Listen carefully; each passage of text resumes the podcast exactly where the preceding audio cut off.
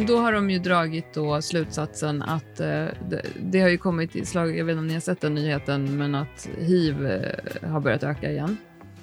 Eller och eh, att fler blir smittade på något sätt. Och då har man då dragit slutsatsen att det är de vaccinerade som får hiv nu.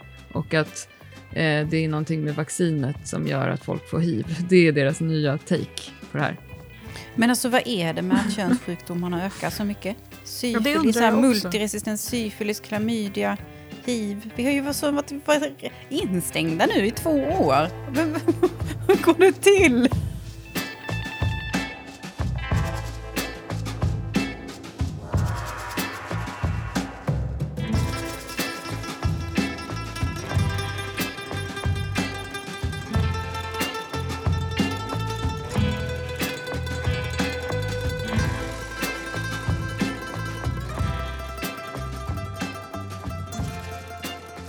Men jag tycker att det är så roligt med såna här eh, korrelationer.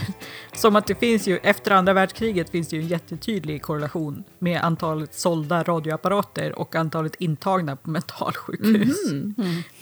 Mm. det, det, är i Storbritannien, men det är, ett ja. det är ett eh, välkänt exempel. Men det är väldigt roligt. att folk blir sjuka och lyssnar på radio. Sen, men det fanns ju också en hemsida med det här och då var det där de bara hade valt ut eller gått igenom massa data i USA.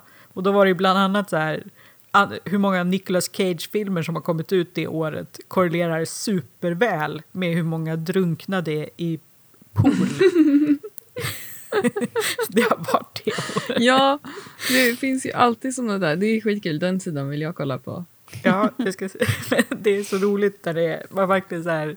Ja, och det finns ju en sak som jag hörde om, för att man har försökt... Eh, det, man använder ju väldigt mycket olika kryddor, eller olika mycket kryddor i olika mm. länder. Och då har man försökt eh, ta reda på det här, liksom att vad... Eh, är det för att man äter sämre kött som kanske har blivit mindre hållbart och därför försöker dölja, sky, dölja det med, med mycket kryddor och så här, men det verkar inte vara det. Eh, och sen är det, ja men det verkar ju lite grann som att det hänger ihop med vad som växer för kryddor i det området mm. och så här. Men det är ändå så att, eh, så har de räknat ut liksom i snitt för olika traditionella rätter i olika områden. Och då fanns det, det finns liksom inte något jättetydligt samband som de hade kunnat hitta. För, förutom mängden bilolyckor. Oj! Så ju mer bilolyckor ju starkare mat? Ja. Mm. men, de, men de sa, eh, när jag jag tror att de eventuellt kan ha fått det här Ig Nobelpriset för det här. Men att de sa dem att de trodde kanske att det inte fanns något eh, egentlig kausalitet mellan de här två. Nej. Men då är det skönt att någon har ägnat tid åt det där. Men alltså, åh oh gud. Men alltså då har man, när man har studerat detta så har man valt att ta in data på bilolyckor. Det är ju bara där är det ju liksom skitmärkligt. Någonstans måste man ju ha en initial ja, hypotes. Men, men det jag tänker är ju att de först har väl bara försökt ta in data från, eller liksom försökt undersöka utifrån eh, vad det finns för tillgänglig data i de här olika länderna. Alltså för att det finns kanske inte så mycket likvärdig data att titta på i många, i liksom många olika länder från över världen. Och sen kanske de bara har kört någon, liksom, tagit reda på någon sån här P-nummer för olika massa olika data som de har hittat i någon databas. Och så var det det här som föll ut. Mm. Men det är i alla fall väldigt, Och hur, vad, ska, vad är liksom slutsatsen? Typ, um, om du inte kör bil så behöver du inte krydda, så kan du ha hur många behöver du inte krydda din mat lika mycket. Men om du kör bil och oroar dig för bilolyckor så får du äta mat med mindre kryddor.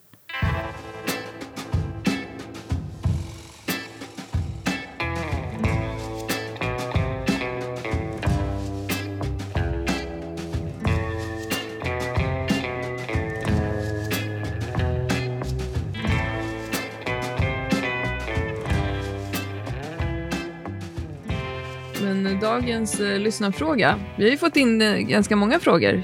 Och väl, ja, det var många, jag fick många favoriter. Ja, många bra frågor också. Ja, det var bra frågor. Ja. som vi verkligen kommer kunna prata om. Men, eh, och en av dem är, eh, vilka lärdomar tar ni med er från pandemin? Känns något viktigt eller mindre viktigt? Och nu har vi redan börjat prata om det eh, här kopplat till eh, då att det finns de som tror att det finns en koppling mellan ökade hiv-smittade och eh, vaccin. Och vi pratade lite innan vi började spela in här om en eh, bilverkstad i Våxtorp som fick en stor mm. spridning på Facebook för de la ut att de ville bli uppmärksammade i personalen om kunderna var vaccinerade eftersom att spikproteinerna smittade Eh, och nu har ju det blivit en väldigt rolig snackis därför att nu har de lagt ut i helgen att eh, de har stängt på grund av att hela personalen är sjuk i feber. Ja, det är ju inte, det är ju inte roligt egentligen. Det blir ju, ja, det blir ju roligt faktiskt. Eh, och det, ehm, det är liksom, nu, nu har vi, vissa känner ju så här att nu är pandemin över. Jag vet inte, känner du det Karo? Du jobbar ju i pandemin, det gör ju inte vi andra här. Nej, jag, nej, det känner jag väl inte att den är. Vi, vi börjar ju tänka lite annorlunda kring eh, alltså inte vaccin. Vi tänker inte annorlunda kring vaccin. Vi tänker lite annorlunda kring smittan. Och tidigare har vi ju verkligen försökt isolera de som har varit smittade på särskilda liksom, enheter. Men nu tycker man att man mer kan likställa det med en annan alltså influensa eller annan förkylningsinfektion. och därför kan man i större utsträckning ha dem på vanliga vårdavdelningar. Alltså så om man har brutit höften så kan man ligga på en ortopedavdelning även om man har covid. Sen iakttar vi vissa försiktighetsåtgärder med skyddsutrustning och bra ventilation och sådär. Och de ligger ju inte tillsammans med annan, andra patienter. Men det har vi men, inte gjort innan. Men apropå det här med att ligga tillsammans med andra patienter. Så en mm. sak som vi kan ta med oss från pandemin är ju att könssjukdomar ökar. Mm. Ja, och hur är det möjligt? Jag tror inte att det beror på att vi har låtit dem ligga tillsammans. Nej, det är vad du hävdar. Men, men jag vet hur det går till. ja, nej, det är fan skitmärkligt. Har det någonting med vårdskulden att göra? Att eh, färre har gått till eh, gynekologen och urologen, eller vad man går om man har en snopp, eh, för att kolla upp sina könssjukdomar? Och nu, eh, nu har det börjat klia liksom. Ja, det skulle ju kunna vara det att det finns någon... Eh, för det brukar, eller åtminstone i Stockholm så är det ju på såna här ungdomsmottagningar och vet inte, infektionshälsa eller vad det heter. Att man kan ju gå, då har de ju så här öppna, öppet hus, heter det väl inte, men att man kan gå dit och provta sig på vissa tider. Men det känns som att de har nog haft stängt nu under pandemin. Mm. Ja, och um, cellprov är en sån grej i alla fall här i Stockholm som, som nästan ingen har kunnat göra under pandemin. Um, jag... Nej, och mammografierna blev ju också försenade. Ja, precis. Det har i och för sig inte med könssjukdomar att göra. Men alltså, jag fattar inte liksom vem får ligga överhuvudtaget. Vi har ju hållit oss isolerade. Eller? Men jag tror i och för sig att folk kanske inte har avstått från att ligga ens med nya personer. Jag har förstått att såna här Tinder-hookups har varit lite vanligare under pandemin. Mm. Om man inte har kunnat träffas ute så, där, så har man kanske hookat upp på andra. Booty call. För jag ja. tänker att en av de stora fördelarna med pandemin har ju varit att vi inte behöver vara så där intima med andra människor som vi inte känner. Alltså att vi slipper kramas mm. eh, och ta i hand. Och, eh, det är liksom en av de stora vinsterna. Och jag hoppas att det liksom består, att vi inte behöver kindpussas och kramas med okända människor eller halvkända människor. Och samlas i grupp med många okända människor har vi också minskat på mycket. Mm. Eh, och det tycker jag också är positivt. Um, Alltså generellt om jag ser på, på frågan hur liksom pandemin... Eh, dels så blev jag arbetslös två gånger under pandemin och hade det tufft så.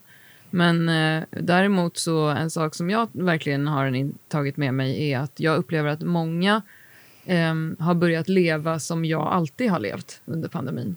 Och varför jag alltid har levt så eh, skulle jag kunna hitta på på internet att det är för att jag är typ i någon så här miljökämpe eller någonting. Men det är ju för att jag är ensamstående morsa. Alltså, jag håller inte på och reser så mycket. Eh, jag, håller, jag har inte så mycket bokade aktiviteter. Jag är inte ute och flyger och flänger. Eh, och jag träffar inte massa olika personer hela tiden. Och det är ju, men det är ju dels liksom av ekonomiska skäl, men också personliga skäl att jag också inte vill ha ett sånt liv. Och det upplever jag, men det här är jag verkligen så här, ni får verkligen säga emot mig, för att jag lever ju i min filterbubbla där jag lever och bor är ju ett område i Stockholm som kallas Hammarby sjöstad som jag har döpt till mellanchefsgettot på Instagram som incheckning.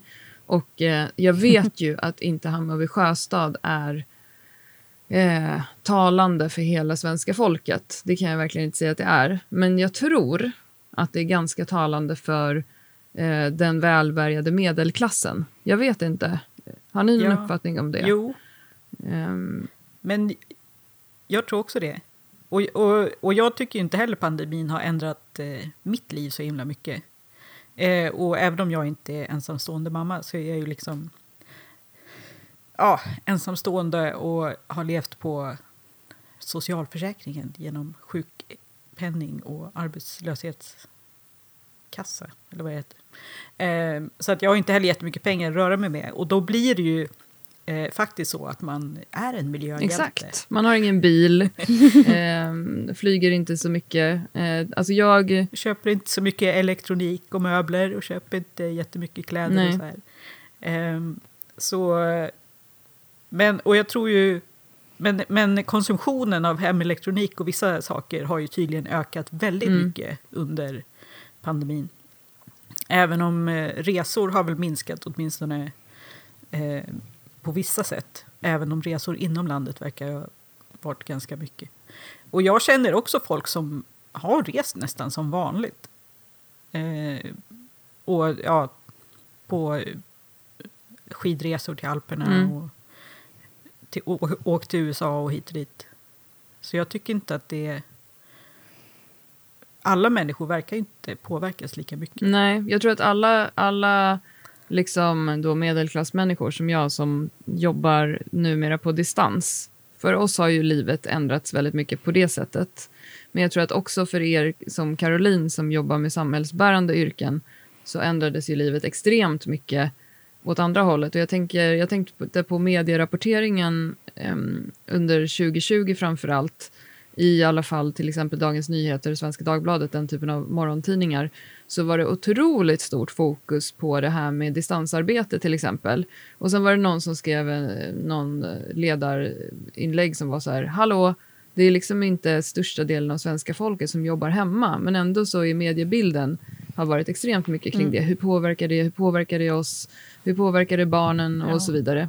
Det tyckte jag eh, det jag reagerat på, att eh, det har lagt väldigt mycket fokus på just de här eh, medelklassmänniskorna. Lilla gruppen. Ja, och medelklassmänniskorna, det skulle kunna vara ett annat poddavsnitt, men det är någonting som provocerar mig otroligt mycket. Och jag vet ju på något sätt att så här, det är ju också mitt val. Jag bor ju här, um, och jag bor ju verkligen då i um, medelklass, uh, uh, vad ska man säga, centrum av världen. sådana människor bor jag med, sådana människor, eftersom jag har barn, så är det sådana människor som mina eh, barn går i skolan med och så vidare. Och jag har ju reagerat på just att deras liv har ju förändrats extremt mycket under pandemin. För att eh, en sak som jag tycker är så konstigt med folk här, nu handlar det, ja, jag, förlåt om jag rantar, det är, till, det är till exempel det här med att de har Alltså, någonting har ju hänt med medelklassen som har fått sig otroligt mycket mer pengar de senaste åren. Men jag upplever att det de gör med sina pengar är att de konsumerar.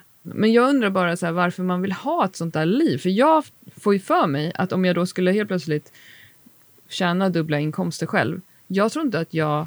Jag vill inte ha ett sånt liv. Alltså det här... Att det blir så där mycket aktiviteter. Mm, och men det är som att... Att det mest är att fara Ja, runt. vad håller de på med? Liksom, när vill de umgås med varandra?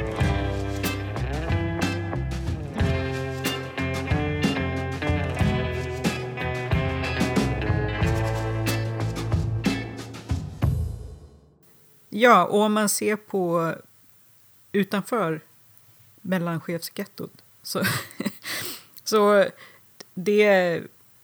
Eh, i, bara i Sverige så är det ju inte så att alla barn och, eh, har haft så bra nu när skolan har varit eh, det har varit distansundervisning eller så här för skolan.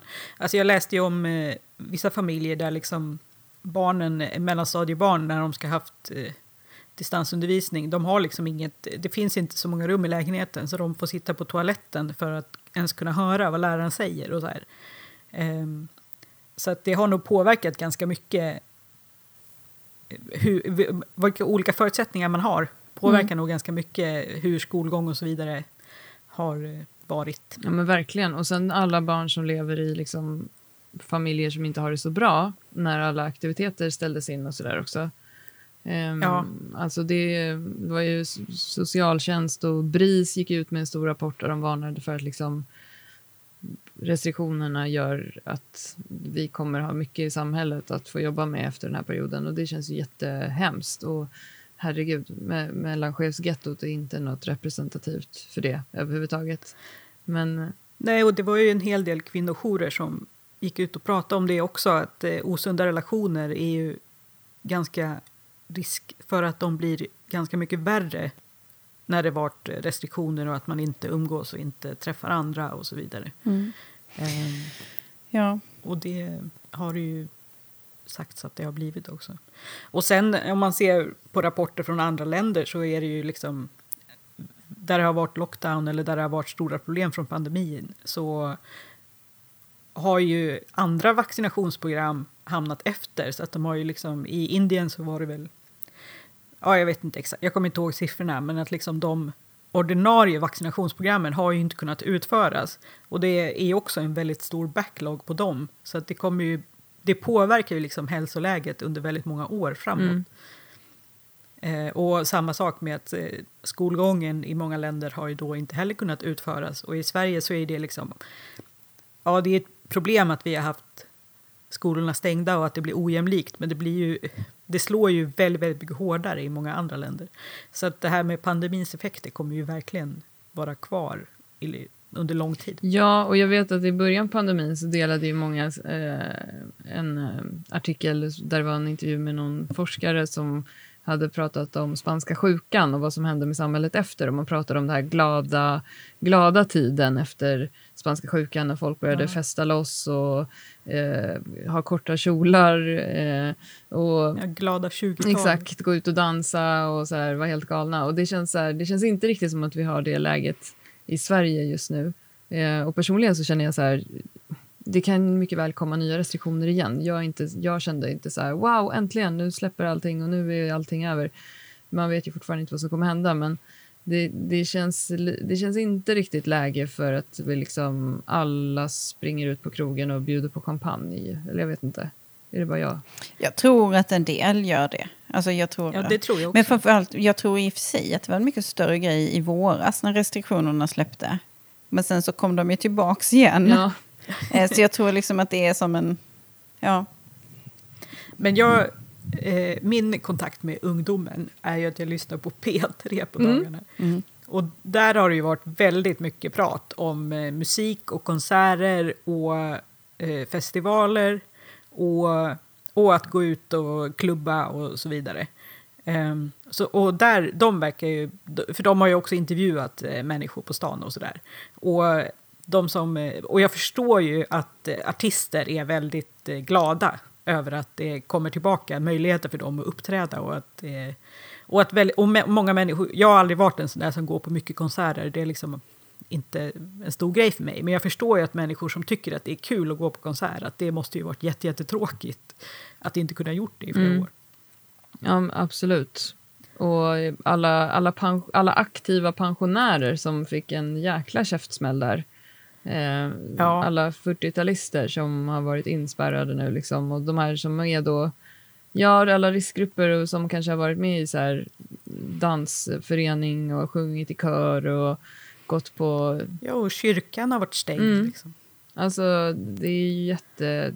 Det är fantastiskt för dem att det, att det öppnar upp igen. Jag tror um, inte att vi har sett alla effekter än vad gällande mindre företag som till exempel mitt eget. Som liksom, det är nu den ekonomiska smällen kommer för att det kom, tar alltid lite längre tid eh, för saker och ting att landa. Men också framförallt, eh, jag har just nu flera olika konversationer med personer som jag känner som jobbar med träning som är väldigt eh, mm, deppiga, orkeslösa.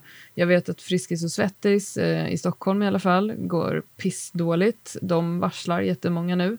Och det är nu det öppnar upp och nu tror konsumenter och vi medborgare att liksom, nu jäklar, nu blir det discospinning på Friskis här. Men faktum är att de säger upp jättemycket personal nu för att de, eh, det går inte bra. Liksom.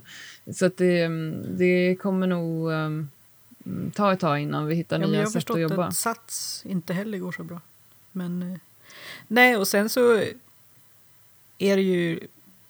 Eller det är ju, kommer ju ske någon viss sån här inflation och att saker blir dyrare.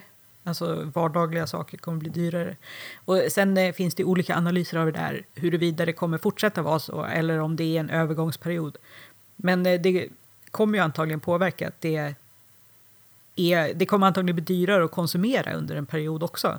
Och det kommer ju då kunna påverka så att eh, vi inte får den här glada 20-talet mm. som, eh, som man tänker nu. Att det, är ju liksom, det är så många olika saker som påverkas. Och det har väl alla redan märkt, att eh, pandemin också har påverkat liksom, eh, tillverkningsleden. Så att man inte får alla råvaror. Liksom, eller att man, jag skulle köpa en cykel förra året. Och då, det liksom, cyklar var ju slut överallt. Därför att eh, de tillverkas allihopa i princip i Kina. Och där, dels var det också att fler köpte cyklar, men att alla tillverkades i Kina. Och då på olika ställen så har liksom restriktionerna också påverkat hur mycket som har producerats. Och då, ja, så att eh, det här med pandemin kommer ju påverka många saker framöver. Ja. Alltså jag, jag jag bor ju inte i något mellanchefsgetto. Jag bor ju ganska isolerat där jag bor, ute på landet. Jag tycker inte... Jag, det är klart att jag har varit jättehårt eh, drabbad genom den roll jag har, alltså mitt yrk, min yrkesroll. Men på ett personligt plan så upplever inte jag att jag är drabbad av pandemin. Jag tänkte på det också, att vi tre vi tycker väl inte att restriktionerna har påverkat oss. Nej, alltså jag, jag blev väl snart drabbad liksom av att klara... Jag hade det tufft en period när liksom allt ställdes in. Men personligen har jag ju inte drabbats. Jag, I och för sig, nyårsafton fick ställas in. Men jag, det blev bra ändå. Alltså, det blev kanske till och med bättre. Eh, för det låg mycket närmare min personliga preferens med den inställda nyårs än den liksom konventionella nyårsafton. Så att, nej, det har verkligen inte varit synd om mig under den här perioden. Det, det, det, händer, det som har hänt mig är precis samma som med dig, Jenny. Att jag drabbas av att saker inte går att köpa. Att jag kan inte konsumera ja. det jag vill. Men alltså, ja, herregud. Nu har du ju jag inget, inget kök, kök på grund av det. Nej, Nej, precis. Nej, det kan man ju tycka faktiskt är ganska jobbigt.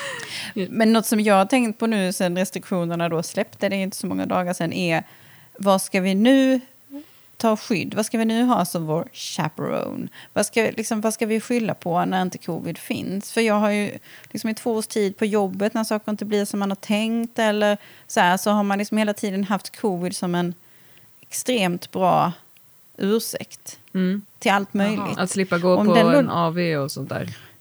Ja, men också rent liksom, eh, arbetsmässigt. Om vi inte lyckas liksom, genomfört tillräckligt många operationer. Alltså rent allt har ju liksom alltid kunnat i skydd av covid.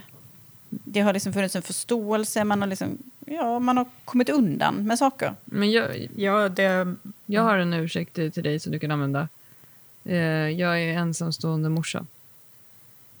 Jo, men just i jobbsammanhang... Mm. Ja, men då måste du gå så, hem. Mm. Du, måste, det, du kan inte... Du, du har mycket privat. Du har mycket privat, Caroline. ja, ja. Men, jag, men jag tror inte Caroline menade just det här med umgänge. Nej, nej jag, jag tror att hon menar mer ja. att eh, man inte får ihop saker på jobbet eller att det liksom inte funkar rent organisatoriskt. Och det finns egentligen något underliggande. Men man eh, har ganska bekvämt kunnat säga att eh, mm.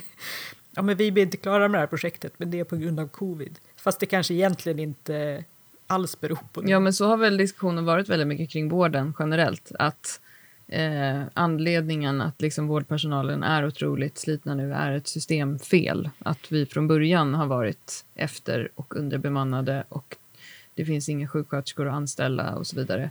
Och um, det, vore, ja, det ska bli intressant att se om det är någon som om det händer någonting med den diskussionen. För det känns ju som att den har lite rundgång här i Stockholm i alla fall. Mm, ja. Ja. Ja, nej, men absolut. För nu har det ju varit så att om man då har gjort det man ska så har man ju faktiskt gjort det trots covid och då har det liksom blivit så här, yay! Mm. Jag gör det jag ska trots covid. Men nu ska jag kanske, känns det som att jag måste jag nu levla upp ytterligare. Måste jag liksom... Förstår ni? Jag, det är inte som att jag har suttit och rullat tummarna. Jag har ju gjort vad jag kan under den här perioden. Ja. Men eh, om då covid-täcket tas bort, måste jag då prestera bättre?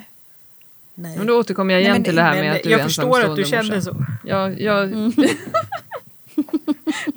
Ja, men det var, det, vi fick ju en fråga om det som jag tyckte var ganska bra också. Om det här, men vi kan prata om det i en annat eh, program. Men det handlar ju lite om det här med att man ska ständigt utmana sig själv Mm. och att man ska ständigt överprestera. Att man aldrig riktigt känner sig nöjd med, ja, men med att göra det man liksom ska. Utan man, eh, ja, men som du sa nu Caroline, att Mm. ja, men du har gjort det du ska på jobbet trots covid. Men nu när du då inte har covid måste du överprestera för att vara lika nöjd. Eh, Ja, eller för att Det omgivningen är- ska vara nöjd med mig. Ja, men precis. Inte för att du själv ska vara det. Men för att Kraven. Så. Och det tycker jag är, är lite problematiskt. Mm. Man, eh, jag tycker man ska vara nöjd med mindre. ja, men verkligen. Särskilt som kvinna också. Eh, Jag försöker ju att Ja. jobba lite långsammare just nu. Eh, som en strategi. För jag har också insett att just det här när man sitter bakom en skärm och jobbar så jobbar man mycket mer generellt tror jag. Eller man, nu pratar jag om mig själv. För att eh, jag inte har de här avbrotten. Jag har ingen som kommer förbi min dator och säger kan jag ställa en fråga eller jag har ingen gemensam fika under dagarna. Utan jag sitter bara och jobbar. Så att den här veckan, eh, nu hade jag saker inställda den här veckan. För jag skulle egentligen åkt och jobbat i Skåne. Ehm, Så den här veckan har jag jobbat eh, lite långsammare. Och tänkt att det här kanske är mer rimligt hur det var förr. När man satt på en arbetsplats. Faktiskt. Jag försökte imitera Mm. det lite bättre. Så jag vet inte. Men det är nog ingenting som du kan välja Caroline i ditt jobb. Tänker jag. Nej, nej, men jag är ju ändå en, en av de som i vissa, under vissa arbetsmoment har kunnat arbeta hemifrån. Eh, men då har, ja, nej, för mig har det nog snarare varit tvärtom. Precis som du säger, när man sitter hemma vid en skärm eh, och när vi har slutat resa eller bara eh, gå mellan två olika möteslokaler så hade man ju, man kunde ju inte moka möten kloss i kloss därför att man skulle förflytta sig. Eh, och det var naturligt att man hade ingen möte kvart i tio till tio för då skulle man dricka kaffe. Men nu är det ju oftast Teams-möten som vi använder Teams. Alltså hela dagar utan paus. Ja. Och det är till och med lunchmöte Nej, på Teams. Nej, det är inte bra. galet.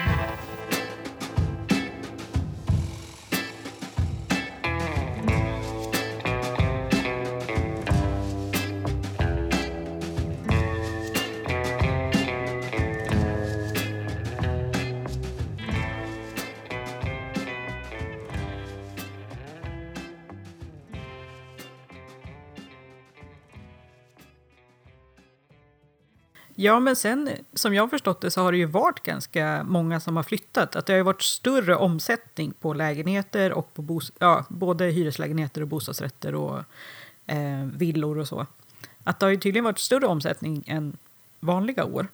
Eh, och många har ju då bytt sitt boende så att de liksom kanske ska kunna jobba hemma eller så. Och det tycker jag också är lite intressant hur det kommer om det kommer fortsätta vara hög omsättning eller om det kommer minska och liksom hur folk kommer se på det här med att jobba hemma och jobba på, på plats och så. Och sen som sagt är det ju ganska liten andel som ens har haft det så här att de har jobbat hemma. Ja. Jag var Men det här jätteprovocerad med det. bostadsmarknaden verkar ju ändå ha skett. eh, Ja, det verkar ju ändå skett som den här eh, omsättningen på bostadsmarknaden verkar ju varit stor inom de flesta områden tror Ja, jag. men jag tycker det är bra att, att många stockholmare kanske testar på att, att bo på andra ställen i Sverige. För det verkar ju vara stockholmares stora problem att inte, att inte vi kan förstå att man kan leva på något annat sätt. Men det, jag blev, De flyttar till Åre då? Ja, eller? precis. Ja, gud vad jag var provocerad av det förra året. När jag, var, jag, när jag var i Åre första gången och insåg att Åre är ju Stockholm fast med snö. Eh, och hur Mm, de ja. satt där och bara, vi har downshiftat, vi sitter här på bodegan och tar ett glas bubbel. Alltså, och jag, jag vill bara kasta in en bajsbomb.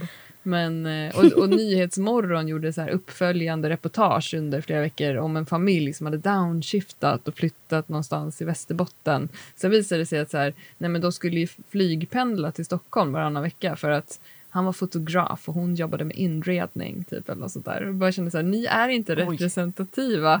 Hur kan det här vara på Nyhetsmorgon, tänkte jag. Det är så löjligt. Mm. Och dessutom, flytt- alltså, ja, de skulle odla sina egna grönsaker. Åh. Stockholmare alltså. märkligt att flytta till Västerbotten då, tycker jag. Men det kanske var liksom- Norrbotten, tror jag till och med, eller eller någonting. Men Ja, men det är ännu svårare att odla. Ja. Ja. det är ju väldigt, det är inte så mycket, fast på sommaren är det ju mycket sol i alla fall. Men jag håller med om att det, det ger ju mer skörd i Skåne. Ja, men jag kände som att så här, om jag var från Övertorneå och såg det där inslaget skulle jag bara jävla stockholmare. Vad håller ni på med? Ja. liksom, tro att ni ska... Så så här, den här exotifieringen av att leva utanför Stockholm. Bara, det här är vår livsresa. Alltså, Ja, men vi ska ändå behålla våra jobb i Stockholm. Liksom, också så himla privilegierat. Ja, men nu är det ju, apropå det här med vården förresten, som vi pratade om, vad som kommer hända eh, nu när pandemin är över och att det kanske fortfarande inte fungerar. Eh, man har fortfarande en hel del problem som då inte kan skyllas på pandemin. Så är det ju faktiskt valår också. Så det, antagligen kommer väl det där vevas Mm. Mm. några varv. Och eh, det här med pandemin och restriktionerna kommer ju säkert vevas flera varv. Mm. Ja, jag, när jag såg första nyheten i år som var så här, nu är det valår, då tänkte jag bara, åh, gud vad jag inte är pepp på det. Alltså just det här som du säger Jenny, hur man ska hålla på och kasta skit på varandra och så här. Som, det, och det är ju vårdgrejen i Stockholm hela tiden. Men det är, Ja. in, det är högerns fel. Och det är, nej, för det är faktiskt sossarnas fel. För det är faktiskt sossarna som satte grunden för det här. Och så här, man bara, snark. Eh, det är så tråkigt att det alltid ska gå till val på, på det där tjafsandet. Och sen de här frågorna som lyfts upp för att de, tänk, för att de ska liksom visa att nu, nu tar vi krafttag. Nu tar vi krafttagsgrejen. Oh. Gud, vad jag låter glad, Nej, hörni. jag, är inte heller, jag är inte heller sugen på valrörelse eller valår på just de delarna. Men eh, det kan vi ju inte välja bort riktigt. Och det är väl bra att vi har val. Jo. Det är väldigt bra att vi har val, men jag känner inte heller... Jag känner en allmän opepp kring det mesta just nu, känner jag. Alltså, det känns jättetrist. Jag känner verkligen så Förutom här... den här podden. Ja, förutom den här podden. Fast jag, blir, ja, jag är ändå lite så här generad över att folk vill lyssna på oss som sitter här och typ orerar om... Jag, jag låter så aggressiv. Jag hatar alla. Låter det som. Ja, nej, men jag, hade, jag, hade ju, jag var så arg igår. Men jag känner att jag... Nej, jag har en dålig period eh, just nu. Ja, jag, jag har också lite dålig period just nu. Jag har lite så skört i familjesituationen och eh, eh, lite så. Men om man ska tänka så här då, om man ska tänka finns det någonting positivt eh, med det här med pandemitiden och någonting som vi ser fram emot nu? Den normala våren och sommaren möjligen. Ja, men precis. Men den hade ju kommit ändå. Åh, nej, men det är det jag känner. Okej, nej, men jag, normalt sett så är jag så här väldigt eh, ska man säga, jordad eller väldigt eh, trygg i min så här yrkesroll, vem jag är. Framför, mycket mer trygg i min yrkesroll än vad jag är i min personliga roll, skulle jag säga. Alltså, men eh, det- är någonting den sista veckan som gör att jag liksom tappat lite av den känslan. Eh, fått arbetsuppgifter som jag känner att jag inte behärskar. Normalt sett har jag ju en hybris och en grandios självbild så att jag bara kan liksom... Ja, men jag vet inte, jag har liksom aldrig varit rädd för auktoriteter eller gubbar eller så. Men jag vet inte, nu är det, det är svårare.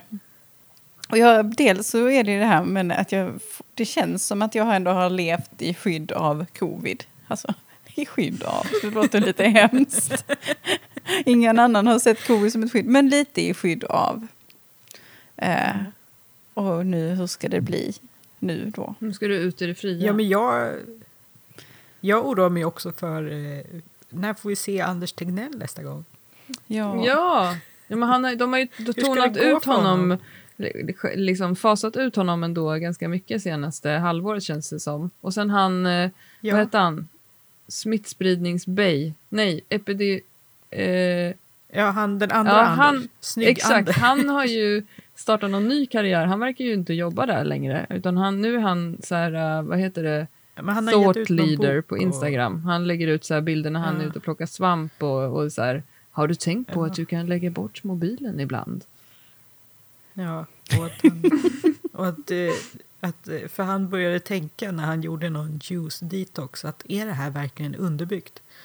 Och jag tänkte, varför trodde du ens att det var det från Men början? min personliga teori är att han har skilt sig eller något. För hela hans Instagram känns men det som en. Tinder-grej. För att han är ute så här med svampkorgen, han är så här lite mysig, han gör yoga. Ja, men han träffade ju någon ny tjej under eh, första året av pandemin. Mm. Gud vad ni har koll. Ja. det måste man ha, Caroline. Nej, men jag oroar mig mer för sådana saker nu när restriktionerna lyfts och sådär. Kommer vi inte få de här presskonferenserna? Hur ska det gå för Anders Tegnell? Kommer vi få uppföljningar hur, om han cyklar med hjälm eller om han fortfarande cyklar utan hjälm? Om han har kvar sina rosa hörlurar. Ja, de undrar man ju också Ja. Och en annan sak som man inte har fått veta om Åh. honom är om han har klarat sig från corona. Ja, det, jag vet faktiskt inte om han har Nej. haft det. Men han har ju, varit, han har ju jobbat eh, på plats hela tiden. Och rest med tåg Ja. och pendlat varje dag. Från, han bor ju i Linköping eller Norrköping eller Nyköping eller någon typ av Köping. Jag tycker ju faktiskt att eh, nu när regionerna går med massa plus på grund av covid, när man inte kunnat Ja. operera så, så vi då som inte har haft covid, jag, Ska alltså, få en belöning? borde få någon slags bonus. Ja, och då, ja. Och jag som har företag fick ju bonus. Det tyckte jag också var, det provocerade mig också, men jag utnyttjade det. Alla vi som har aktiebolag fick, eh, vad var det, 2500 eller något sånt där fick man köpa en coronagåva på företaget eh, skattefritt. Så jag köpte jul, eh, köpte du? julmat till min eh, släkt. Coronagåva skrev jag i bokföringssystemet och så tänkte jag, och så när jag klickade på så här, eh, spara så tänkte jag så här, kommer jag få en kommentar från det här? Nej, Nej, men vad spännande. det fick jag. Och vad fick du Caroline från eh, regionen? Ingenting. Jo då, jo, herregud. Jag fick en, ett presentkort på våra så här profilprodukter så man kan gå in och köpa en ryggsäck där det står Region Skåne om man vill, eller någonting annat. Oj, Eh, men alla anställda i Region Skåne har ju fått faktiskt upprepat 3 000 kronor. Så både förra året och i år. Eller alltså, eh, 3 000 kronor. Och det gäller alla i Region Skåne, även om man jobbar på Skånetrafiken eller så. Men alla, alla i regionen har fått en bonus. Jag kan meddela att jag har inte fått någonting från Det är Arbetsförmedlingen. dåligt. Jag får inte ens ett julkort. inte ens ett julkort. Tycker att det kunde de väl kosta på Ja, sig. Ja, faktiskt. ja, faktiskt. Men eh, de eh, har ju, regeringen har ju höjt ersättningen från a-kassa och eh, såna här olika stöd. Eh, och det gäller 2022 ut tror jag. Eh, de har höjt de basbeloppen. Ja, Så ja. att eh, det har inte varit så. Men det bestämde de ju då i mars 2020 när det precis blev när pandemin kom att de höjde de beloppen. Alltså, jag, jag bara jag började att tänka på andra så här subventioner som är så här, nu så blev elen jättedyr. Ja, Eh, Och då plötsligt ska man få tillbaka pengar av staten för att det var synd om oss. Alltså jag, jag Nej, men de som liksom inte konsumerar riktigt. mest ska få tillbaka mest. De som har uppvärmda låter ju- uterum och sånt där. Pool. Ja. ja. Ja, men jag förstår inte. och dålig isolering. Ja, men dålig Nej. isolering var väl en sak. Men alltså, då, då bor man väl kanske lite skruttigare. Men Ja, Ja, nej, det är väl många som tycker att den här elersättningen var lite konstig. Men för i Region Skåne då, återigen, där har, vi, där har vi haft friskvårdsbidrag och då har det varit så att man har kunnat få tillbaka halva summan upp till 6 000. Alltså så man har kunnat få tillbaka 3 000 men då har man tvungen att vara- kom- konsumera 6 000. Så det har ju bara varit de som har råd att konsumera 6 000 som Ja. har kunnat få tillbaka 3 000. mhm. Och det är ju ganska ja avancerat. det låter ju Mm. bakvänt. Ja, men nu har man ju faktiskt gjort om det så man får tillbaka varje krona upp till 3 000. Ja. Det verkar, jag tycker det verkar smartare. Mm. Mm. Ja, för vad är syftet? Det är väl att man vill att folk ska friskvårda. Mm, jag tror dock inte att folk gör det mer med friskvårdsbidrag. Jag tycker man borde få friskvård på arbetstid istället. Ja, Men det har ju många sådana här... Fris, vad heter det då? Friskvårdstimme. Tid. Men det funkar väl inte i och vården? den har ju tydligen... Nej, det kanske inte gör. Men den har ju tydligen en hel del företag och myndigheter ökat under pandemin när man jobbar hemma. Att man har fått eh, längre tid. Men det kommer ju tas bort eh, tydligen för många. Nu när restriktionerna hävs.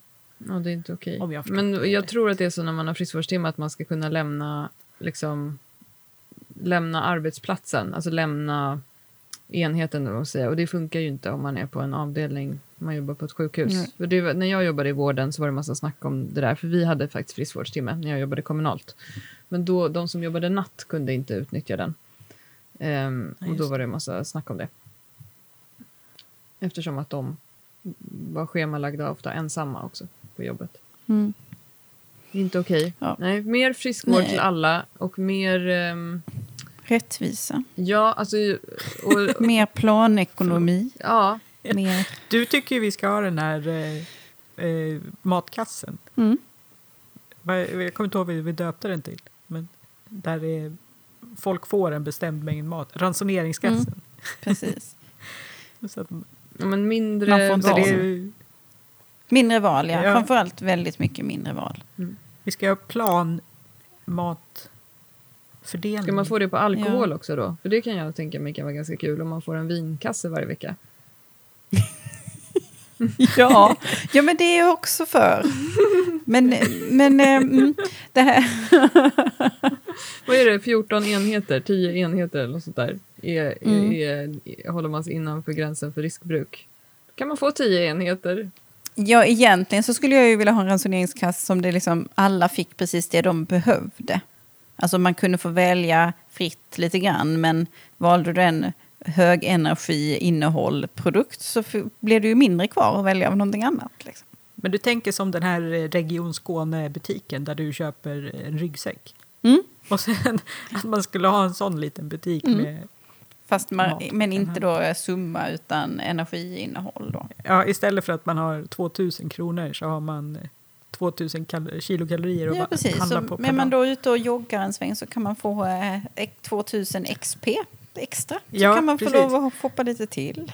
Och, det, och eftersom alla har en telefon med en sån här, eller en sån här Fitbit-klocka så liksom går ju det där in automatiskt på det här kontot. Det låter ju, det låter ju lite så här, för att låta som en sån, lite 1984-vibbar på det. Men jag är för om, det, om, om man får en vinkasse så är jag för. Ja, nej, men Jag har aldrig det vin hemma. För mig personligen att slippa välja. Att någon bara så här, idag serveras det fisk till lunch. Tack, Mm. säger man då.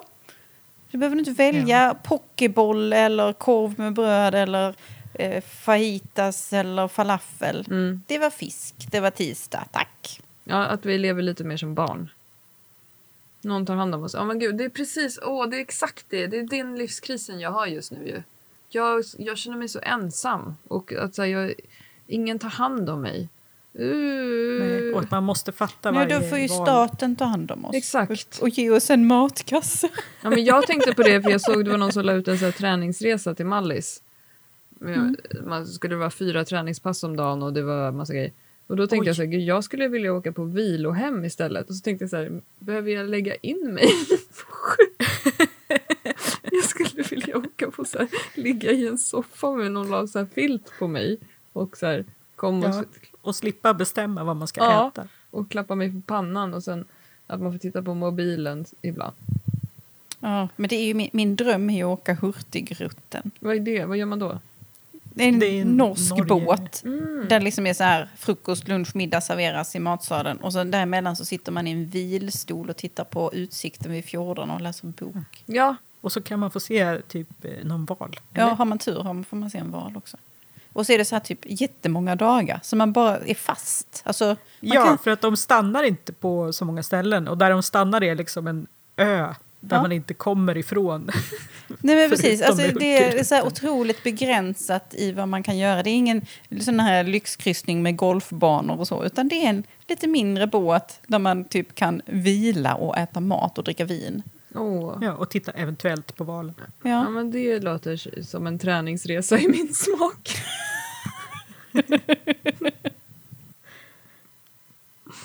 Och sen tycker jag att det är väldigt roligt att den heter Hurtigruten. Ja, ja. Det, låter ju, det låter ju som en träningsresa. att man ska vara hurtig. Det kanske kan vara nästa års eh, land, regionpresent eller coronagåva. Det är jättedyrt, det är Norge. Ja, just det. Ja. Vi, får, vi får tänka om här. Eh, vi ringer Irene Svenonius.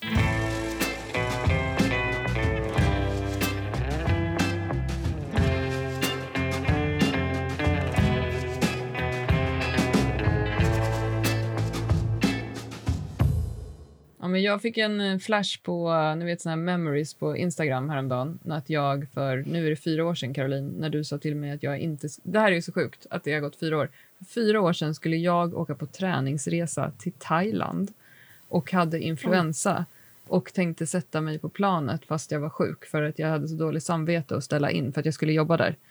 Eh, och Caroline sa att jag skulle ställa in, som hon fick gå in och liksom sätta ner foten som läkare. Men också att jag ens, alltså ett, att jag skulle åka på träningsresa, två, att jag skulle flyga till Thailand, tre, att jag tänkte resa med influensa. Hur 2022 känns det? Nej, Och så alla andra som kom till Thailand Ja. sen fick ligga där. Alla som åkte med samma flyg som Klara fick ligga i influensa på sin semesterresa för att hon skulle åka med.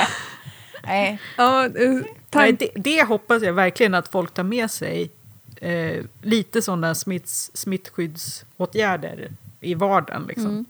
Men å andra sidan, om man ser på... För att förra tvätta året, händerna och använda kondom. mm, håll avstånd.